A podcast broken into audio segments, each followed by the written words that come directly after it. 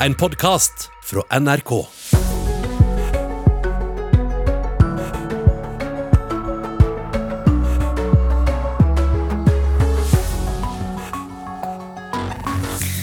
Ti år etter terrorangrepet i regjeringskvartalet og på Utøya er faren for terror blitt større, det mener Politiets sikkerhetstjeneste.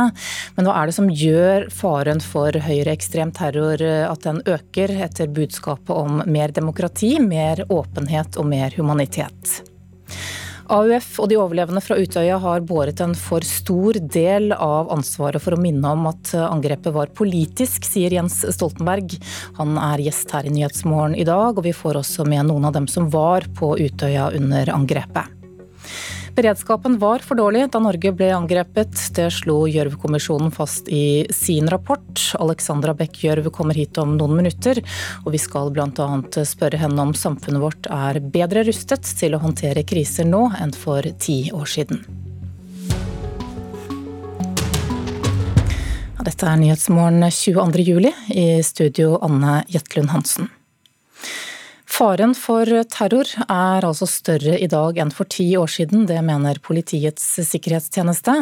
Både høyreekstreme og ekstreme islamister utgjør en terrortrussel, og faren er altså ikke blitt mindre siden 22.07.2011, sier assisterende PST-sjef Roger Berg. Det har skjedd en negativ utvikling. Det er en større eh, sjanse i dag for det. Eh, og eh, de siste to, ti årene så kan ikke vi si at det, en, en, at det er en redusert trussel. Det vil vi ikke si. 22.07.2011 gikk bomba av i regjeringskvartalet og Utøya ble angrepet. Siden den gang har mye skjedd. Verden har fått den ekstreme gruppa IS, og faren for høyreekstrem terror har økt. PST har også innført ny skala for å vurdere trusselen. Trusselnivået er moderat, og vi sier at det bruker uttrykket 'mulig' på en skala som blir midt på tre. Eh, og Det gjør at vi fortsatt har bekymringer rundt dette. Men vi ser ikke per nå noen alvorlige trusler som er nært forestående. Men vi kan ikke senke garden, vi må følge med på, på, på terrortrusselbildet sier den assisterende sjefen i PST. Med moderat trussel ligger nivået på tre på en skala fra én til fem.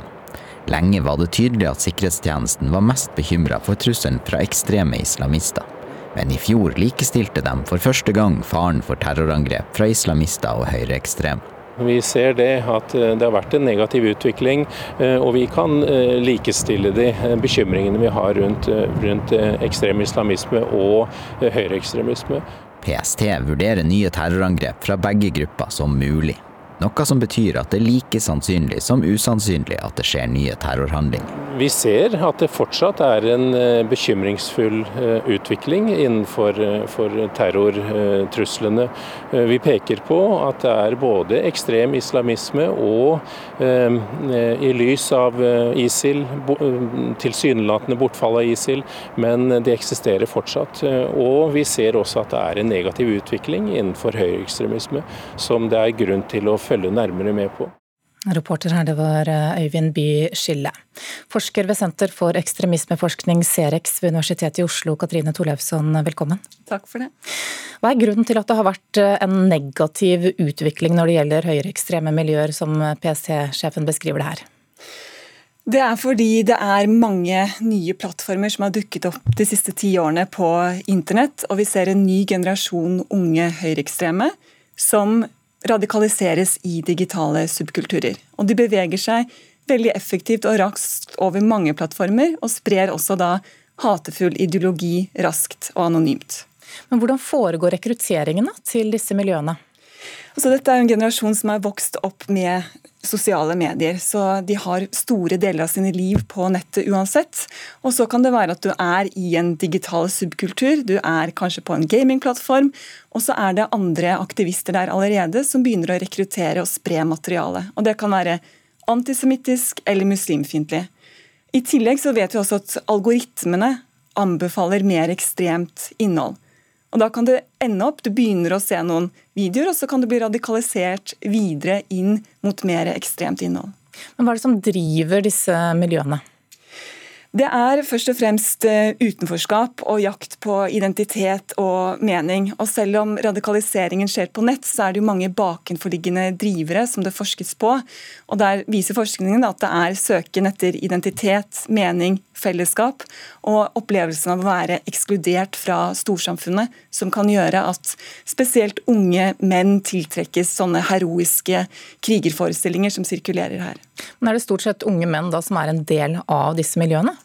Det er det. altså All volden her, spesielt fra såkalte enslige aktører, blir utøvd av menn. Men kvinner spiller også veldig viktige roller i forhold til å spre propaganda, i forhold til å mainstreame, i forhold til å gjøre ideologien mer spiselig på en måte og tilgjengelig.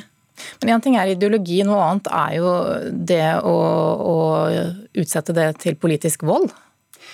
Ja, og det er heldigvis veldig sjelden. Altså Massedrap er veldig sjeldne. Men samtidig vet vi at eh, ord og bilder er mektige våpen. Det har betydning i avhumaniseringsprosesser. Så foran all vold, enten den blir utført av en enslig aktør eller en stat eller organisasjon, skjer det massiv avhumanisering gjennom fiendebilder. Så her har også de store teknologiselskapene et veldig stort ansvar for å forhindre at deres eh, plattformer misbrukes av eh, radikaliserte brukere. Hvor store er disse miljøene både her i Norge og også internasjonalt? Det er det som gjør det utfordrende, fordi det er millioner av brukere, og de er i et transatlantisk lederløst eh, nettverk som spenner seg fra Nord-Amerika til Australia, New Zealand, Europa, Skandinavia. Så vi ser på nå et globalt medforfatterskap av fiendebilder. Og det gjør jo også forebygging mer utfordring, utfordrende. Fordi på 90-tallet hadde du fysiske, organiserte miljøer i Norge. Det var lettere å forebygge mot disse miljøene. Nå er de i mange land, på mange kontinenter, og de er ofte anonyme. Og Det gjør at det mest effektive måten å forhindre det neste terrorangrepet på, er jo å oppdage lekkasjer i nære relasjoner. For de fleste Enslige aktører har lekket sine terrorplaner til venner, familie, kollegaer, nære omgivelser. Hvilke konsekvenser fikk angrepet i Norge i 2011 for disse miljøene? De fikk konsekvensen i forstand at Den globale høyreekstreme scenen ble ikke så veldig inspirert, heldigvis, av 22.07. Vi vet at det har inspirert noen angrep i München 2016, Christchurch 2019. Så 22.07 kaster jo skygger inn i både utførelse og fiendebildet fremdeles i, i dag. Så får du mange henvendelser nå i disse dager fra utenlandske medier som er nysgjerrige på hvordan vi har håndtert angrepet i Norge. Hva er de opptatt av? Ja, I går snakket jeg lenge med Tokyo Broadcasting Company i Japan. De er opptatt av hvordan den norske responsen har endret seg. Fordi De ser også at det er noe som skjer, og har fått med seg det. Fra den umiddelbare responsen om mer demokrati, åpenhet, mer inkludering, til nå at det er rom for også eh, uenighet og flere måter å minnes, samtidig som det er en sterkere stemme om det kollektive ansvaret alle borgere i Norge har. Ok, Takk skal du ha, Katrine Tolefsson. De fleste av oss eh, husker jo hva vi gjorde og hvor vi var 22.07.2011, og mange er fortsatt preget av terrorangrepet for ti år siden. Vi har spurt folk i Alta, Bergen og Oslo hva angrepet har gjort med landet vårt. I hvert fall ikke i den retningen jeg hadde håpa at vi skulle etter 22.07. Eh, jeg syns det har blitt eh, mye barskere og slemmere i kommentarfelt. Det er holdninger som vi ikke vil ha, som jeg syns har eh, egentlig blomstra opp. Jeg tror det fikk oss til å se litt innover, eh, inn i sjela vår, og se hva som bor der av grums, rett og slett. Grums faktisk av og til kommer ut. Så kanskje symptomatisk på andre ting. Heldigvis ikke så grusomme for det meste, men som allikevel fins. Jeg tror det har gjort eh, Norge til, i hvert fall spesielt Oslo, da, mye tettere og sterkere. At det ble et mye mer sånn samhold. Jeg skulle gjerne si at det har blitt et mer tolerant og inkluderende samfunn, men sånn er det ikke helt. Eh, men jeg er veldig glad da for at, det, at oppgjøret med høyreekstremismen nå endelig kommer i sin rette fasong som diskusjon etter, eh, etter 22.07. Ja, jeg tror vi våknet opp, da. Vi fikk åpnet øynene ordentlig og forsto at eh, det verste kunne skje her òg. Ja, kanskje folk blir litt mer bekymra eller litt mer redd. Men samtidig så kan man jo ikke gå rundt og leve i frykt og tenke at uh, Å nei, sånne ting kan skje. Det er mange som husker eh, hvor vi var og hva vi gjorde. Og på Utøya denne dagen så var det altså 564 mennesker der da gjerningsmannen gikk i land og startet angrepet. En av dem var deg, Iril Myrvang Gjørv. Velkommen til Nyhetsmorgen. Du var 17 år gammel i 2011, mm. med i Bardu AUF i Troms. Og egentlig så var det jo litt tilfeldig at du var på, på Utøya denne dagen. Ja, jeg var jo engasjert, men jeg var jo ikke nødvendigvis en AUF-er på det tidspunktet. Så jeg skulle egentlig på utveksling og eh, avventa det litt og endte opp på Utøya på, på, en slags ferie for å være, på, være med vennene mine. Mm. Mm. Hvordan har disse ti årene, årene etter angrepet vært for deg? De har jo vært prega av eh, søvnløse netter og masse traumer og, og, sorg og savn, og, og prøve å komme og stable seg opp på beina igjen prøve å finne seg sjøl. Um, men det har jo vært eh, mye fint i det også. Jeg uh, hadde mye, mye, mennesker rundt meg som har hjulpet meg mye. Mm. Men hva har vært det vanskeligste? Det vanskeligste har jo egentlig vært, vært, det å på en måte føle at man sto litt alene i, i det å prøve å ta, ta, tak i hvorfor dette skjedde. Um, og så, som, som AUF og mange overlevende nå sier mye om. Og så har det også vært veldig vanskelig å, å ikke å, å, savne de som vi mista, spesielt min venn Anders, som døde den dagen. Hvilke konsekvenser har, har angrepet fått da, for de valgene du har tatt i livet etterpå? Nei, det endte jo opp med at jeg ikke dro på utveksling, da. Eh, og at jeg ikke nødvendigvis gjorde og tok de valgene som jeg ville gjøre. Um, valgte trygghet fremfor, uh, fremfor eventyr, kanskje. Men, eh, men, samtidig så valgte jeg jo også da å bli lærer som, som, en konsekvens av dette, for å prøve å gjøre mitt og bidra med mitt. Um, så ja, det har vært, eh, vært ulike valg man måtte, måtte, velge bort. Absolutt. Hvor mye tror du elevene da, lærer i dag om det som skjedde 22.07.2011? Jeg tror det er ganske mange som lærer litt, uh, men, men jeg tror det, det absolutt ikke er nok. Jeg tror nok at det er lærere som har en slags berøringsangst, kanskje i enkelte fag. og og at, at, jeg tror man må tenke at det, ikke nødvendigvis er bare et sånn samfunnsfag eller, eh, eller historiefag-tematikk. Eh, men, men, så jeg håper jo absolutt at det, at det, blir mer i skolen om det nå. Og så vet vi at det er mye som, som lages og produseres og, og, skrives og gjøres i skolen også. Mm. mm. Så har det, som du sa, vært snakket mye nå om oppgjøret med disse holdningene etter 22.07. Det har vært en stor debatt de siste ukene, og du mener at dette oppgjøret på mange måter har uteblitt. Hva er det du savner? Ja, nei, I likhet med mange av de andre overlevende som har kommet fram de siste ukene, eh, og siste halve året egentlig også, så, så savner jeg jo et politisk og, og egentlig også et mellommenneskelig oppgjør. Jeg savner at eh, politikere og andre maktpersoner tar, tar tak ikke bare i liksom, hva må vi gjøre for å hindre at dette skjer, men jeg savner også at man tar et oppgjør med den retorikken som, som man har sjøl, eventuelt at, som man forfekter eller inspirerer til. da um, gjennom de, de, posisjonene som man har. Og så uh, savner jeg et mellommenneskelig oppgjør som handler om deg og meg. Hva kan vi gjøre for, å, for, å, stoppe hatprat, for å, for å, unngå rasisme og ta til motmæle mot det som man ser ute i kommentarfeltene, som blir snakka om her tidligere. Uh, og, og, der har vi alle et ansvar. skolen og, og samfunnet og, alle oss for øvrig. Absolutt. Og jeg tror at nå, nå, er liksom, nå, er tida for å, for å ta, gå litt inn i seg sjøl, tror jeg. og se hva jeg kan, kan gjøre som person. Hva jeg, eh, hva slags samtaler kan jeg invitere til ved middagsbordet eller eh, blant vennene mine? Eh, absolutt. Så, så jeg tror det er liksom tida for det nå. Mm, men hvorfor nå, og ikke for, for Nei, det har jo det var absolutt da òg. For ti år siden så tror jeg nok at, at kanskje den demokrati det at demokratiet vårt var utsatt, var, var, veldig viktig og veldig samlende og veldig fint. Jeg syns personlig det var veldig bra. Men, men når, vi, når, vi, vet at denne faren øker, Eh, så, så, må vi jo starte på et tidspunkt, og da tenker jeg nå kan, kan være en god start. Hva er det viktigste for deg på tiårsdagen for dette angrepet? Eh, det viktigste for meg er å snakke om de vi mista. Absolutt. Og minnes dem. Mm. Mm. Hva, hva gruer du deg mest til på denne dagen? Eh, jeg gruer meg mest kanskje til å eh, åpne eh, meldingsinnboksen min senere. Dessverre. Eh, og så gruer jeg meg til det jeg ser erfaringsmessig vet har vært stillheten 23.07. Og mailboksen fordi du Nei. regner med at det ligger mye, mye Nei, ja, jeg har, har, opplevd det tidligere, ja.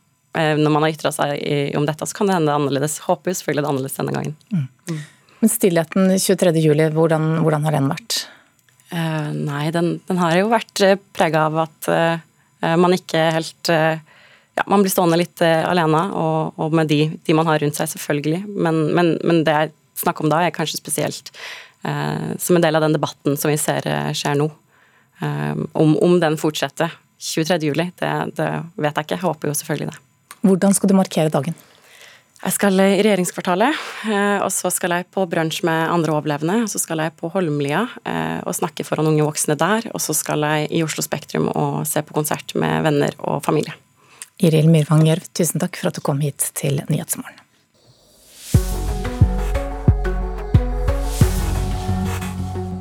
Klokka er blitt 18 eh, minutter over sju. Dette er altså Nyhetsmorgen. Faren for terror i Norge er større nå enn for ti år siden. Det mener Politiets eh, sikkerhetstjeneste. Det er altså ti år siden 22.07 og angrepet i regjeringskvartalet og på Utøya, og det er hovedsaken vår i dag. Andre saker. En jente som ble påkjørt i Gjerdrum i går, døde i natt på Ullevål sykehus. Ulykken skjedde inne på området til Gjerdrum barneskole. Og I England er det nå like mange koronapasienter innlagt ved sykehusene som det var i februar. Det er en økning på 21% fra forrige uke. England opphevet alle smitteverntiltakene denne uken, til tross for at det var flere som advarte mot det. Men vi er altså opptatt av at det er ti år siden 22.07 og terrorangrepene i dag. Spørsmålet nå er om vi er bedre rustet i dag til å håndtere et eventuelt nytt angrep på landet vårt. Bare noen uker etter angrepene i 2011 ble det oppnevnt en kommisjon som skulle gjennomgå og evaluere hendelsene for å trekke lærdom av dem. Og arbeidet til denne kommisjonen fikk store ringvirkninger. Vi avslutter med dette vårt arbeid. Dette er starten på en viktig jobb for mange andre for å gjøre Norge tryggere. 13.8.2012. Den regjeringsoppnevnte 22. juli-kommisjonen, ledet av advokat Alexandra Beck Gjørv, hadde kalt inn til en stor pressekonferanse. Gruppa hadde sett nøye på hva som skjedde under terrorangrepene i Oslo og på Utøya. Hvordan jobba politiet? Hvordan gikk redningsarbeidet? Og kunne angrepene vært oppdaga tidligere? Nå kom svarene. Myndighetenes evne til å beskytte menneskene på Utøya sviktet. En raskere politiaksjon var reelt mulig. Gjerningsmannen kunne ha vært stanset tidligere, 22.07. Politiet fikk knallhard kritikk. Det var kritikk av beredskapsarbeidet, av norsk forvaltning og av regjeringa.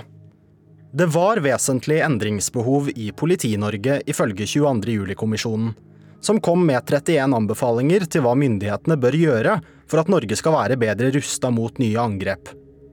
Blant annet å gjøre det straffbart å motta terrortrening, at PST skulle være mer pågående, og at den operative virksomheten i Politi-Norge skulle forsterkes. Samfunnet forbereder seg allerede på den neste krisen. Den kommer, så det haster med å komme i gang. Både Stoltenberg og daværende politidirektør Øystein Mæland lovet at de ville ta ansvar, og sørge for bedre beredskap. To dager senere kom nok en knusende dom over politiets håndtering av 22.07. Denne gangen fra daværende justis- og beredskapsminister Grete Faremo. Nå plasserer jeg først og fremst et eh, ansvar på meg for å sørge for eh, at arbeid med eventuelle forbedringer settes i verk. Og så eh, har jeg behov for å få kartlagt om det som kom fram i Gjørv-kommisjonens rapport er av en slik karakter at det er grunn til ytterligere tiltak. Og tiltak ble det. Politidirektør Øystein Mæland går altså av med umiddelbar virkning. Det sa justisminister Grete Faremo overraskende i debatten nå i kveld. Da Mæland gikk av, begrunna han det med at Faremo og andre politikere ikke hadde vært klare nok på om de hadde tillit til han. Rapporten hadde allerede fått konsekvenser. Det politiske Norge ble tatt på senga av beslutninga. Det er helt avgjørende faktisk for å gjenvinne tillit i den situasjonen som det norske samfunnet nå står i. At man noen faktisk tar ansvar gjennom å gå av. Han har løst et problem. For jeg tror at den situasjonen som var før han trakk seg, ville vært en veldig vanskelig situasjon for hvordan man skulle sortere, og hvordan justisministeren skulle klare å ta fatt i alle de viktige oppgavene som ligger etter Gjørv-kommisjonen. Ja, reporter her, det var eh, Bendik Hansen. Alexandra Bech Gjørv, velkommen til Nyhetsmorgen. Tusen takk. Det var altså du som ledet 22.07-kommisjonen den gang, som konkluderte med at myndighetene sviktet, og at angrepet på Utøya kunne vært stanset tidligere. Er beredskapen bedre i dag enn den var for ti år siden? Nå kan jo ikke jeg uttale meg det, om det med samme tyngde som jeg kunne etter den store granskningen, hvor jeg jobbet et helt år. Eh, det var jo både den konkrete hendelsen 22.07, men også de massive kartleggingene av data fra Politi-Norge som gjorde at vi kom til de konklusjonene vi gjorde. Og når jeg som avisleser ser tiltakene som er gjort i politiet, og som er godt oppsummert i bladet Politiforum i går, så tror jeg det er ganske mange viktige grep som er gjort. fordi det, som, det, det viktigste var jo at politiet fikk en ledelseskraft i retning av å sette seg mål og sørge for at noe fikk høy prioritet, og det måtte jo være evnen til å respondere når noe skjedde. Mm, men Hvordan er de andre viktigste konklusjonene som dere kom frem til fulgt opp, da? Ja, Det er jo ikke jeg som sitter og følger det i dag, det er jo dere i media som er vaktbikkja som skal være med der. Men, men, vi ser jo i dag at der det for ti år siden ikke var et eneste mål fra Justisdepartementet til politiet om operativ kapasitet, så er det det i dag. Politidirektoratet tar en større grad av styring. Og ikke minst så ser vi at gjennom politireformen så har vi jo fått døgnbemannede, skikkelige operasjonssentraler som kan håndtere en stor, en stor eh, situasjon. Det var jo Hovedproblemet på Utøya var jo ikke mangel på ressurser. Det kom jo 50 velutrustede politifolk, men det var én person som både skulle ta imot alle telefonene fra fortvilte ungdommer og lede hele operasjonen og skaffe båt. Det var helt umulig. Og det Sånn var Norge organisert, og det er det ikke i dag. Og det tror jeg er vesentlig bedre. Mm, du kom innom Politiforum der. Redaktøren der skrev i en eh, leder i går at eh, han mener at det blir feil å snakke om ressursene som ikke fant hverandre, sånn som dere gjorde, og, og sier da, sånn som du sier at det ikke var nå, at, mm. at, problemet var at de ikke hadde ressursene som trengtes den dagen. Ja, og Det er jo på en måte riktig i den akutte situasjonen. Men vi så jo at fra de ti årene før 22.07 så hadde jo politiet fått 80% økte bevilgninger. Men de hadde ikke brukt ressursene på en måte som faktisk skaffet eh, operativ kapasitet.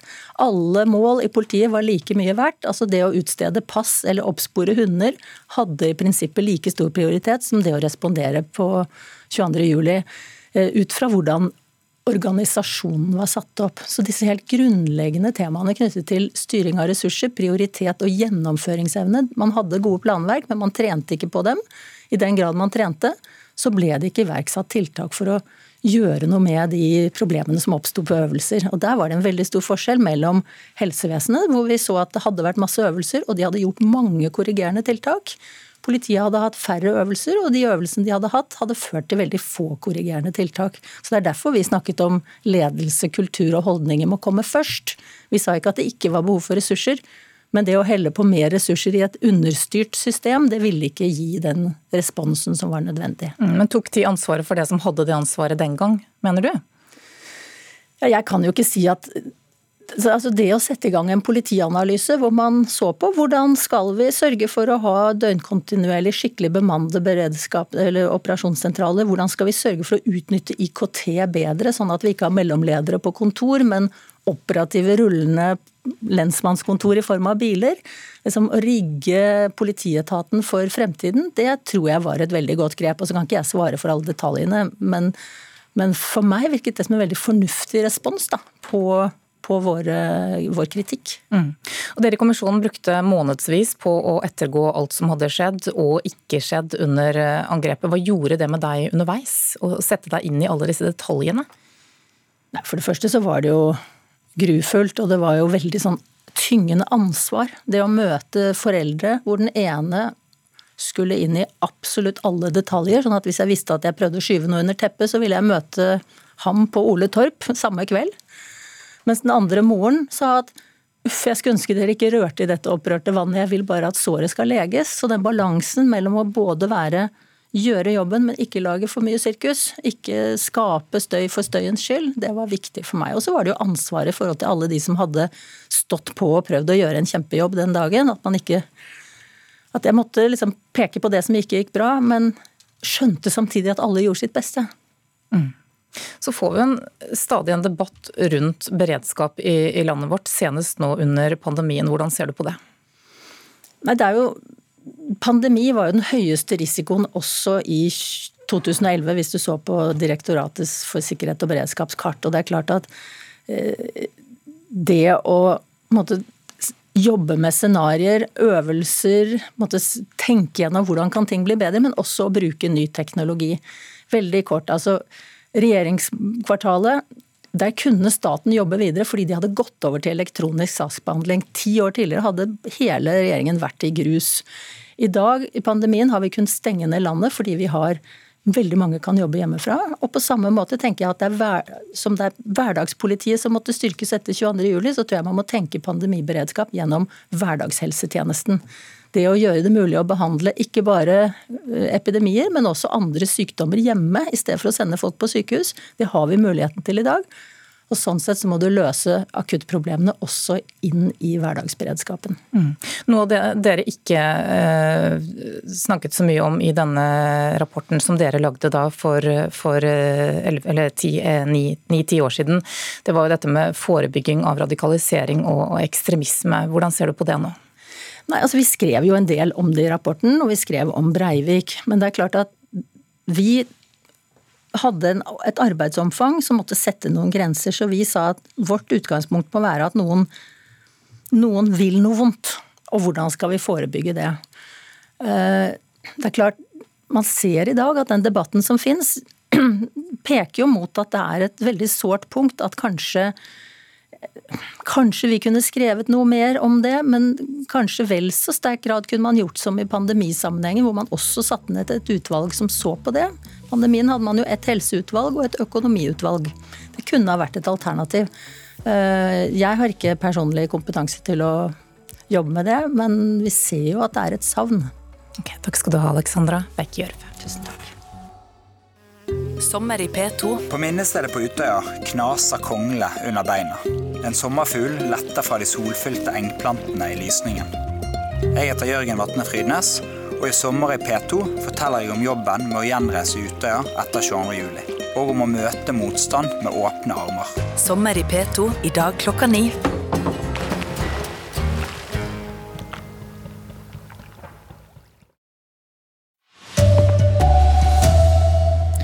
Terrorfaren i Norge har økt de ti siste årene, sier PST. Det var fellesskapet som sviktet da Anders Behring Breivik ble massedrapsmann. Det sier Oslos varaordfører ti år etter terroren. Og i England øker antall koronapasienter på sykehus igjen. Denne uka ble koronatiltakene fjernet. God morgen, dette er saker det blir mer om i Dagsnytt. Klokka er 7.30. Ja, faren for terror i Norge er større nå enn for ti år siden, det mener Politiets sikkerhetstjeneste. Både høyreekstreme og ekstreme islamister utgjør en trussel, og faren har ikke blitt mindre siden 22.07.2011. Det sier assisterende sjef for PST, Roger Berg det har skjedd en negativ utvikling. Det er en større eh, sjanse i dag for det.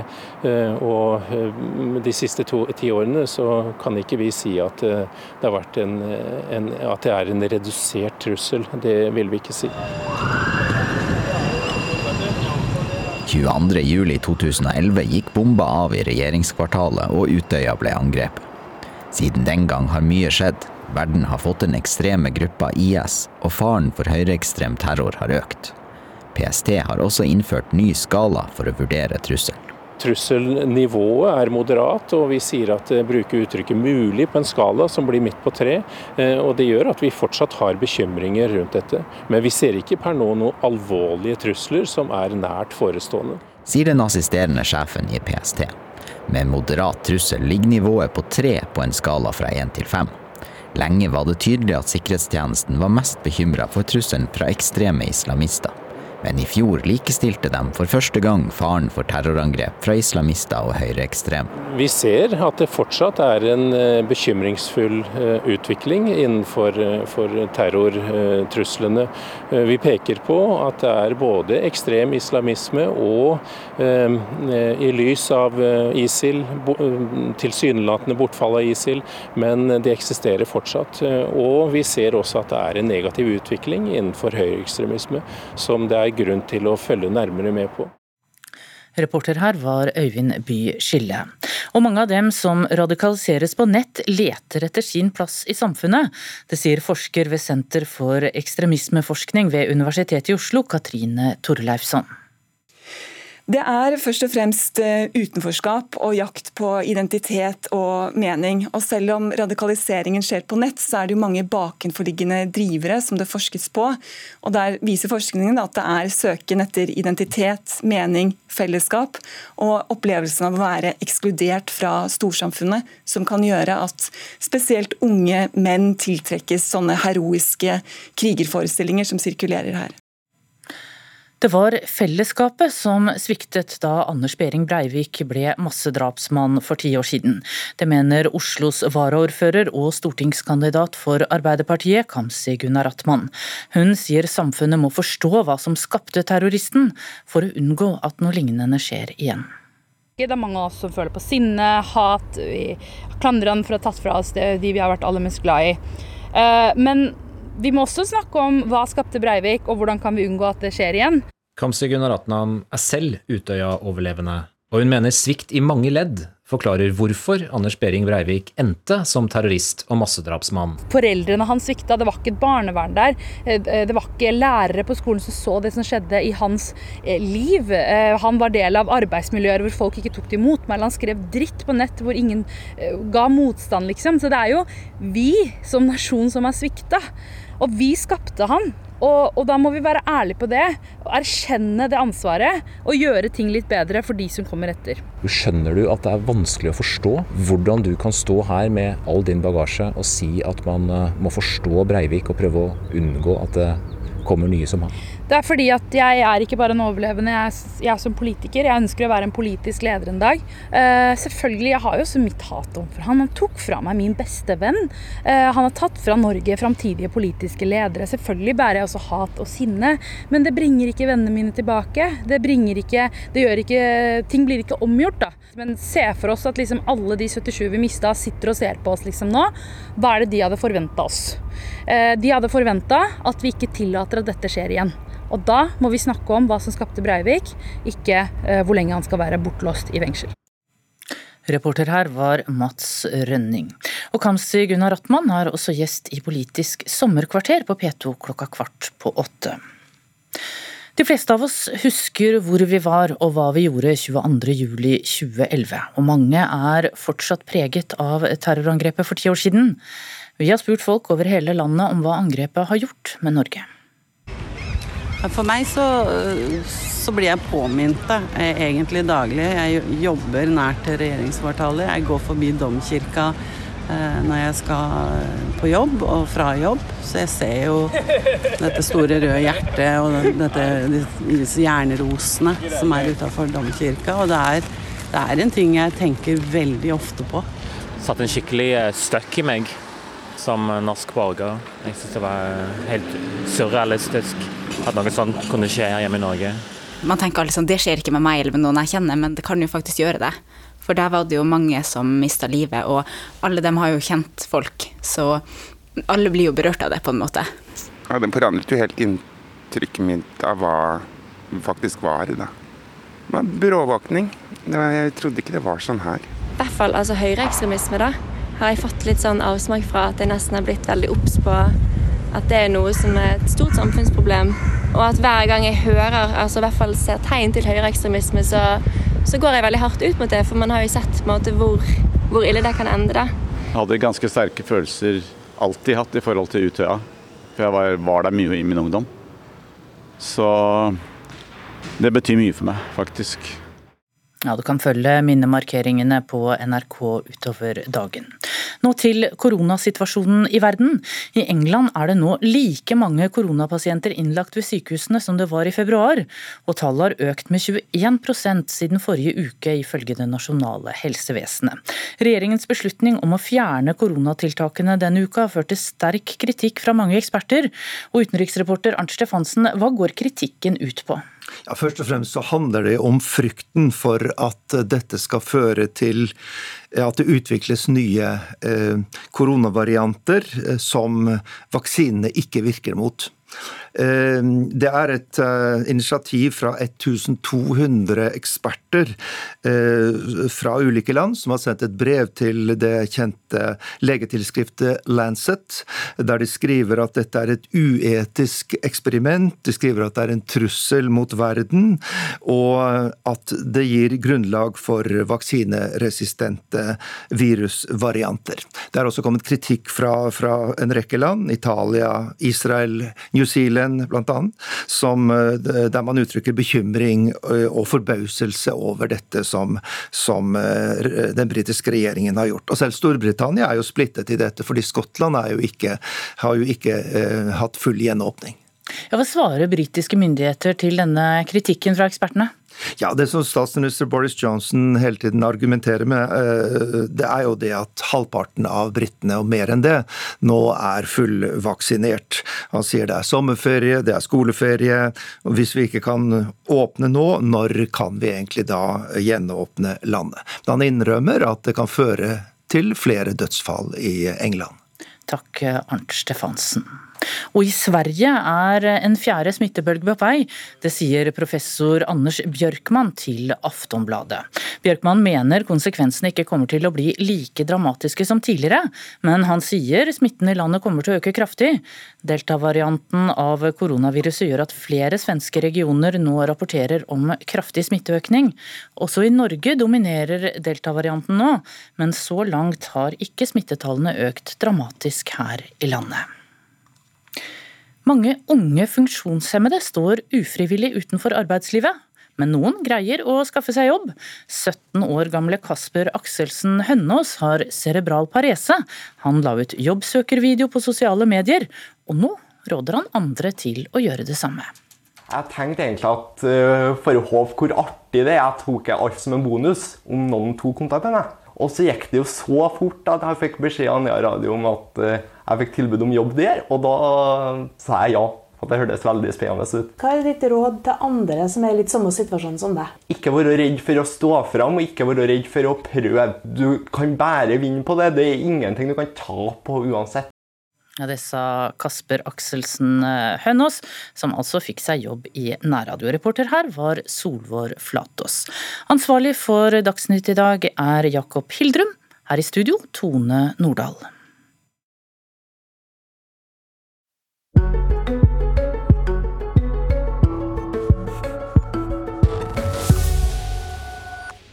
Klokka, klokka er 7.40, dette er Nyhetsmorgen i NRK. Etter terrorangrepet for ti år siden ble plassen foran Oslo domkirke fylt med blomster, og det ble et hav som bare vokste og vokste ettersom dagene gikk. I dag skal det være gudstjeneste i domkirken i forbindelse med markeringen av at det er ti år siden angrepet. Og reporter Intisar Ali, du er på plassen foran kirken. Hvordan ser det ut der nå? Nå er det ganske rolig stemning. Der hvor jernrosene er satt opp, har jeg sett at det også er ekte roser. Det er satt opp sperringer rundt om. Man kan jo tenke seg at det er mange som vil ta turen hit i dag. Og så begynner også politiet å komme på plass. Dette her er jo stedet som ble en del av Oslos Eh, sted å markere eh, det som skjedde på Utøya. Her kom Oslos befolkning og andre og la ned roser og tente lys for de som eh, døde under terrorangrepet. Takk skal du ha, Intisar Ali. Og etter angrepet for ti år siden, så ble altså denne plassen foran kirken fylt med, fylt med blomster. Og det skjedde etter en melding fra politiet på natta. Det forteller tidligere domprost i Oslo, Olav Dag Hauge. Han tror at tiårsmarkeringen av angrepet vil gjenskape noe av følelsen fra den gangen. Det jeg har inntrykk av, det er at noe av dette kommer tilbake til oss nå.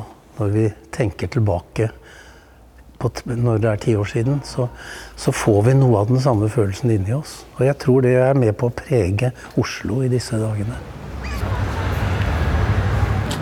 Olav Dag Hauge tenker tilbake på julidagene for ti år siden, da han var domprost i Oslo og hadde det øverste ansvaret i domkirken.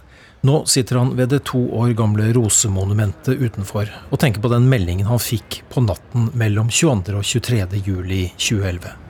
Når vi hørte om natten hvor mange som var drept på Utøya, Så sa de dere må åpne kirken, sa politiet. Samtidig sa de dere må sette, sette opp et utested, et minnested ute. Allerede klokken ni på morgenen. Vi fant ut at dette måtte øh, komme så fort som mulig. Da sto det en bukett roser, et gravlys, noen steiner, brosteiner fra Kirkens Bymisjon. Så øh, var Fabian Stang intervjuet på TV og sa at nå er det etablert et tenningssted. Så kom folk. Det bare vokste. Altså, på et visst tidspunkt så vokste det ut av vår kontroll. Men vi fikk hjelp av et vaktselskap, og da hjalp det litt. Men altså, det vokste sånn at det var ikke kontroll over hvor dette ble lagt. Og til slutt så endte det opp med at de sperret gatene og trikkelinjene og trikken. I noen dager så valgte jo trikken andre ruter, for de kunne ikke komme forbi her. Blant blomster og lys la mange ned dikt, tegninger og kosedyr. Mange ungdommer ble drept på Utøya, og blant blomstene lå også en fotball og et par fotballsko som noen hadde lagt ned. Det var veldig mange i forskjellig alder, men det var veldig mange ungdom som kom hit. Og jeg husker altså når eh, Norway Cup begynte. Da kom fotballag etter fotballag med ungdom og barn ned hit og sto rundt her. Og det var så sterkt å se dem stå helt stille. Og du sa jo at en hadde til og med kastet fotballstøvlene sine over. Og det sier noe om at det fins ikke grenser for hvordan man skal uttrykke både medfølelse, sorg og fortvilelse. Men det var sterkt, for det var så mange mennesker, og det var så mye sorg, og det var så mye kjærlighet, og det var så mye omsorg. Reporter her, det var Lars Håkon Pedersen.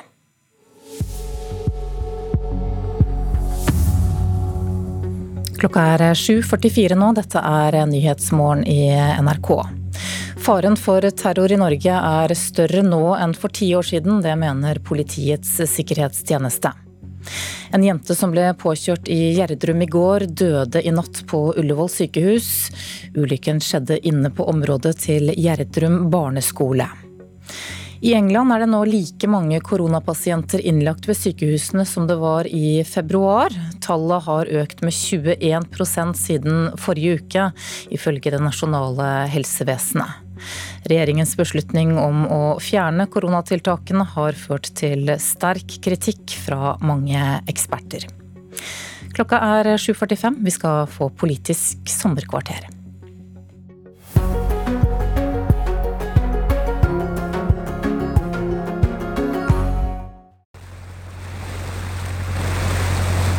Tenker du da, når du ser Utøya nærme seg?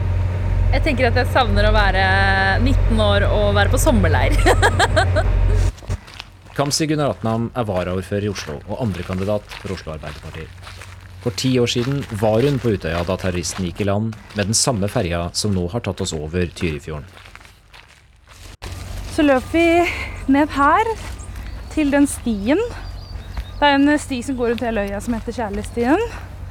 Um, det er ganske bratt. Det er det. Ganske bratt. Og smal. Falt du, liksom? Ja, jeg har ryggproblemer fordi jeg sklei ved en skrent. Og, og trynte på ryggen. Jeg husker, husker når vi løp forbi Bolsjevika langs berget, så husker jeg at eh, jeg tenkte at nå, nå er det åpent her. Nå kan jo noen skyte på oss. Hvor mange var det du løp med? Å oh, gud, det husker jeg ikke. Det var mange som løp i denne retningen. Noen tror jeg av og til eh, En del ombestemte seg mens vi løp, og løp tilbake. Det var ikke så vanskelig å forstå hvilken retning alltid skytingen kom fra. Jeg kunne for alltid visst det være okkupert, liksom. Som land. Og noen som sa at de så døde kropper. At de så blod. Jeg så ikke noe av det. Jeg så blod på noen av de, så de har helt sikkert eh, vært borti noen som var døde eh, eller blødde. Flere hadde prøvd å svømme, men sa det var for kaldt. Nå, nå kommer vi ned mot vannet. Her er det en, eh, en sånn skarp odde med sånn steinete fjell. Ja. Er vi omtrent her?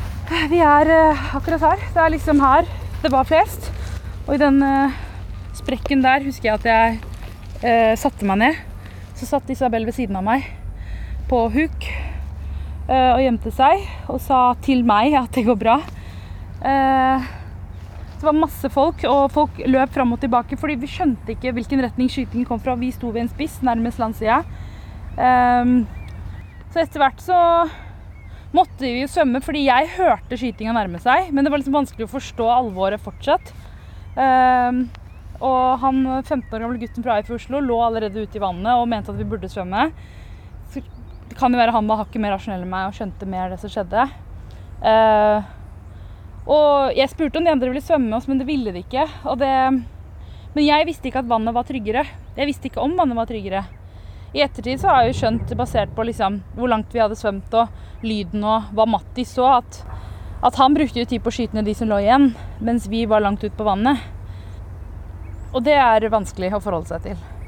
For uh, Isabel, som du nevnte, hun svømte ikke? Hun svømte ikke. Hun nektet å svømme. Jeg tror hun frøs litt. Jeg tror hun eh, Vi mennesker reagerer med flee, fight og freeze, og jeg tror hun frøs da. Eh, hun ble funnet oppå klærne mine, som jeg la igjen før jeg svømte. Du har også oppsøkt disse bildene selv mm. I etterkant. Altså bildene som politiet tok. Hvorfor gjorde du det? Fordi jeg så ingenting. Jeg så meg aldri tilbake. Jeg løp, og jeg løp eh, og svømte. Eh, jeg så meg aldri tilbake. Eh, så jeg tror det var en form for closure, liksom, å be om å se de bildene. Og det var liksom på en måte ga det meg noe, men de så liksom ikke Jeg følte det var skuespill, da. Jeg følte ikke det var ekte bilder. Jeg følte liksom Isabel var sminka til å være med i et skuespill. Jeg følte Håvard lå og sov. Eh, jeg følte folk var pakket inn i plastikk på tull, som man gjør når man er ungdom. Så jeg hadde vanskeligheter med å forstå noe av bildene. Det dekket noe behov, men jeg tror kanskje jeg vil ikke se det. Jeg vil ikke se dem som død. Det er ikke sånn jeg så dem heller. Men når du la på svøm, så, så gjorde du det uten egentlig å være trygg på om du klarte å svømme over, for uh, det er et stykke over til fastlandet her? Ja. Det er uh, Ja. Eh, jeg er ikke atletisk person. Uh, må kanskje svømme ti meter i strekk i mitt liv den dagen. Eh, men da tenkte jeg bare at nå må jeg bare svømme det jeg klarer, eh, og, så, får jeg drukne. Eh, og da var det et valg om hvordan jeg skulle dø. Skal jeg drukne eller skal jeg bli skutt? og da tenkte jeg kanskje at det gjorde mindre vondt å drukne da. Men du ble redda til slutt? Men jeg ble redda av en båt. Hvordan var den følelsen når du satt om bord i båten? Jeg følte meg ikke trygg. Først kom det en båt og kasta bøyler vi kunne flyte på. Og så kom det en båt og plukka oss opp. Og det var da Matti fortalte meg at han svømte baklengs, så så han at eh, Breivik skjøt ned de vi etterlot oss. Eh, så han var jo bevisst på at vi kunne bli truffet anytime. Eh, og da var det jo liksom ikke Vi var jo usikre på hvem disse campingfolka var også. Var de ute etter oss? Redde oss? Var de, skulle de ta oss? Var de til å stole på? Hvor kjørte de oss? Det, det, nei, jeg følte meg ikke trygg. Men jeg skjønte fortsatt ikke hva som skjedde. Når var det det gikk opp for deg? Jeg tror liksom Jeg har alltid hatt en tillit til Jens. Uh, Jens sin tale var en sånn oppsummering uh, som var viktig uh, for meg. Fordi det var bare kaotisk i hodet at det var en terrorist, og det var en hvit, etnisk norsk terrorist som som hadde gjort dette. Jeg var jo på et tidspunkt jeg, noen av oss snakket om da før skytinga, var jo Vi håper virkelig ikke det er en person med minoritetsbakgrunn. For hvis det er en person med minoritetsbakgrunn, så kommer Norge til å bli annerledes. Denne reaksjonen vi har hatt overfor Breivik og 22.07, ville, ville vi aldri gitt eh, til en person eh, med en annen bakgrunn, og det må, må vi bare være ærlige på. Eh, så jeg var jeg tenkte at jeg vil møte dette Jeg vil møte en hvit middelaldermann akkurat som jeg møter en ung minoritetsgutt som havner i et kriminalitetsmiljø i Groruddalen. Mer åpenhet, mer kjærlighet, aldri naivitet. At liksom, det var bare så Jeg syns alle de ordene Jens, Jens sa, da, var liksom viktig og riktig for meg. På hvilken måte ville vi ha møtt Breivik hvis han ikke var en etnisk eh, hvit nordmann? Det så vi jo allerede på. Vi viste jo i praksis hvordan vi møter en person eh, når eh, vi tror det er en minoritet som har gjennomført eh, terrorisme. Det så vi den dagen på alle de enkelthistoriene folk med minoritetsbakgrunn, og særlig muslimer, meldte inn. Så det, jeg lar det tale for seg. Hvorfor vil du på Stortinget? Jeg vil på Stortinget fordi jeg har 14 års erfaring bak meg fra bystyret i Oslo, der vi de siste eh, seks årene i hvert fall fått til veldig, veldig mye bra eh, i forhold til både fellesskap og, inkludering og likestilling. Som jeg håper at jeg kan ta med meg erfaringer for å jobbe videre med arbeidslinja. Å få folk i arbeid er min eh, største hjertesak. Stortinget er et plass som sluker mange politiske talenter. Eh, hva er det du kan tilføre Stortinget som ikke allerede finnes der fra før? Du, jeg har en erfaring fra Groruddalen i Oslo, hvor det er deler av Groruddalen har høyere arbeidsledighet enn det Vestlandet opplevde under oljekrisa. Eh, det er mange ulike tilnærminger som må til for å få denne gruppen i arbeid. Og dette her er altså eksempler vi ser i andre deler av landet, og da særlig i andre storbyer. Så det er liksom konkrete erfaringer fra både utfordringene, men også løsningene f.eks. Arbeiderpartiet byråd i Oslo har eh, fått til. En annen ting er at jeg når ut til en annen gruppe. Det er eh, både minoriteter, men også, eh, også den gjennomsnittlige nordmann i forhold til måten jeg er på.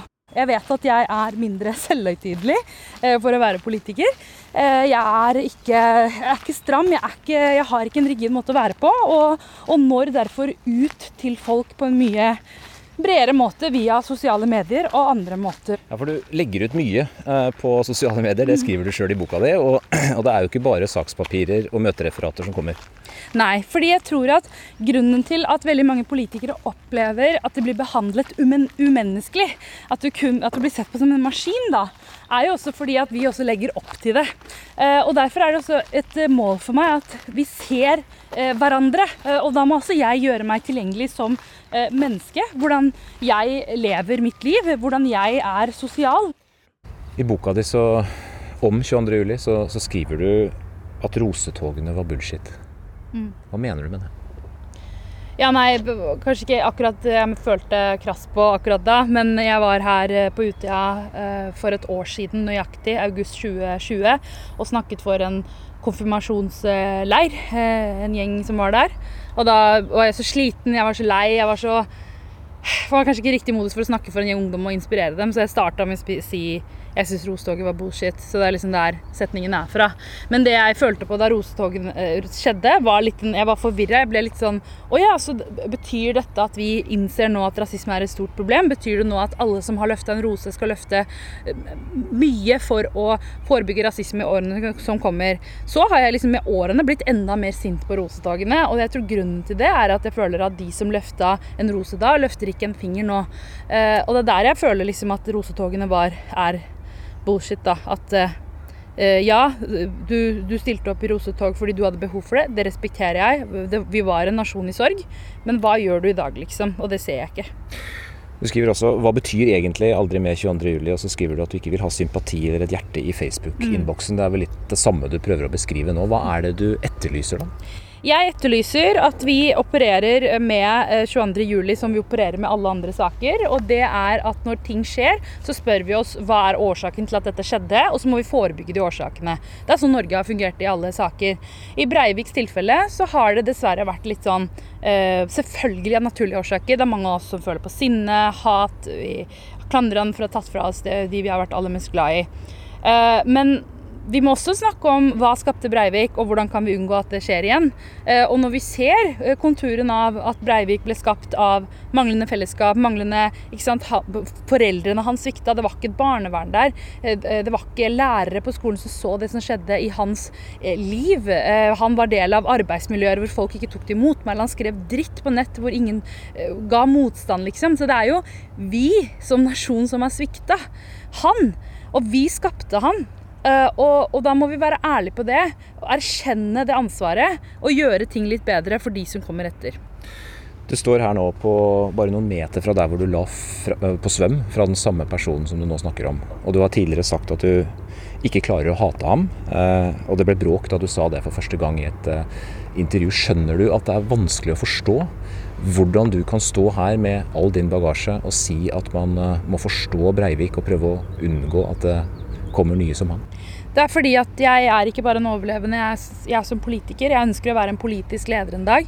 Eh, og det er mitt ansvar eh, å snakke om at eh, jeg er varaordfører i dag i Oslo, og han ble til i min by. Det er et ansvar jeg bærer på. Eh, selvfølgelig, jeg har jo også mitt hat overfor han. Han tok fra meg min beste venn. Uh, han har tatt fra Norge framtidige politiske ledere. Selvfølgelig bærer jeg også hat og sinne, men det bringer ikke vennene mine tilbake. Det bringer ikke Det gjør ikke Ting blir ikke omgjort, da. Uh, og da er liksom det beste vi kan gjøre, er altså Nå tror ikke jeg på Gud, og jeg er helt 100% ateist, men se for oss at liksom alle de 77 vi mista, sitter og ser på oss liksom nå. Hva er det de hadde forventa oss? Eh, de hadde forventa at vi ikke tillater at dette skjer igjen. Og da må vi snakke om hva som skapte Breivik, ikke eh, hvor lenge han skal være bortlåst i fengsel. Det har vært mye oppmerksomhet om brevet som han sendte deg og andre eh, norske politikere. Du skriver om det i, brevet, nei, i boka di selv. Og så skriver du også din kamp mot utenforskapet er den eneste kampen vi deler. Anders, du bruker fornavnet hans. Og så mm. skriver du din kamp er min kamp. Og det er også tittelen på boka di. På hvilken måte er Anders Behring Breiviks kamp din kamp?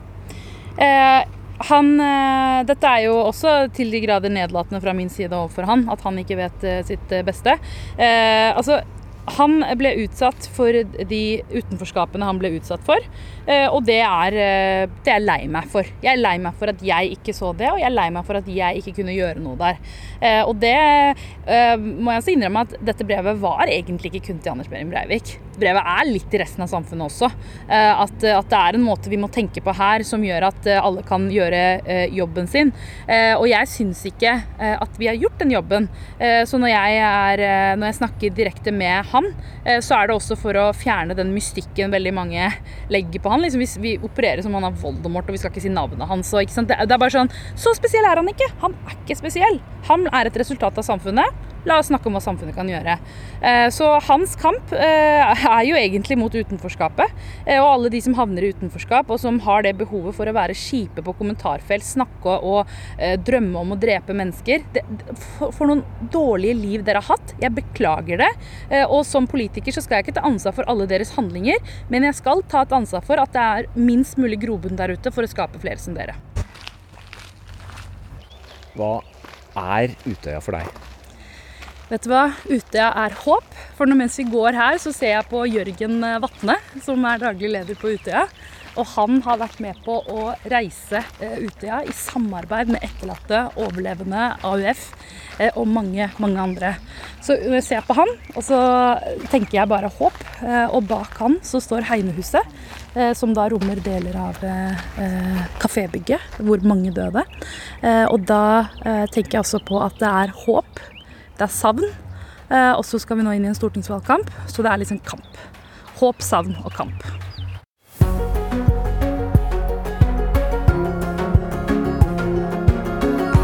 Du har hørt en podkast fra NRK. Hør flere podkaster og din favorittkanal i appen NRK Radio.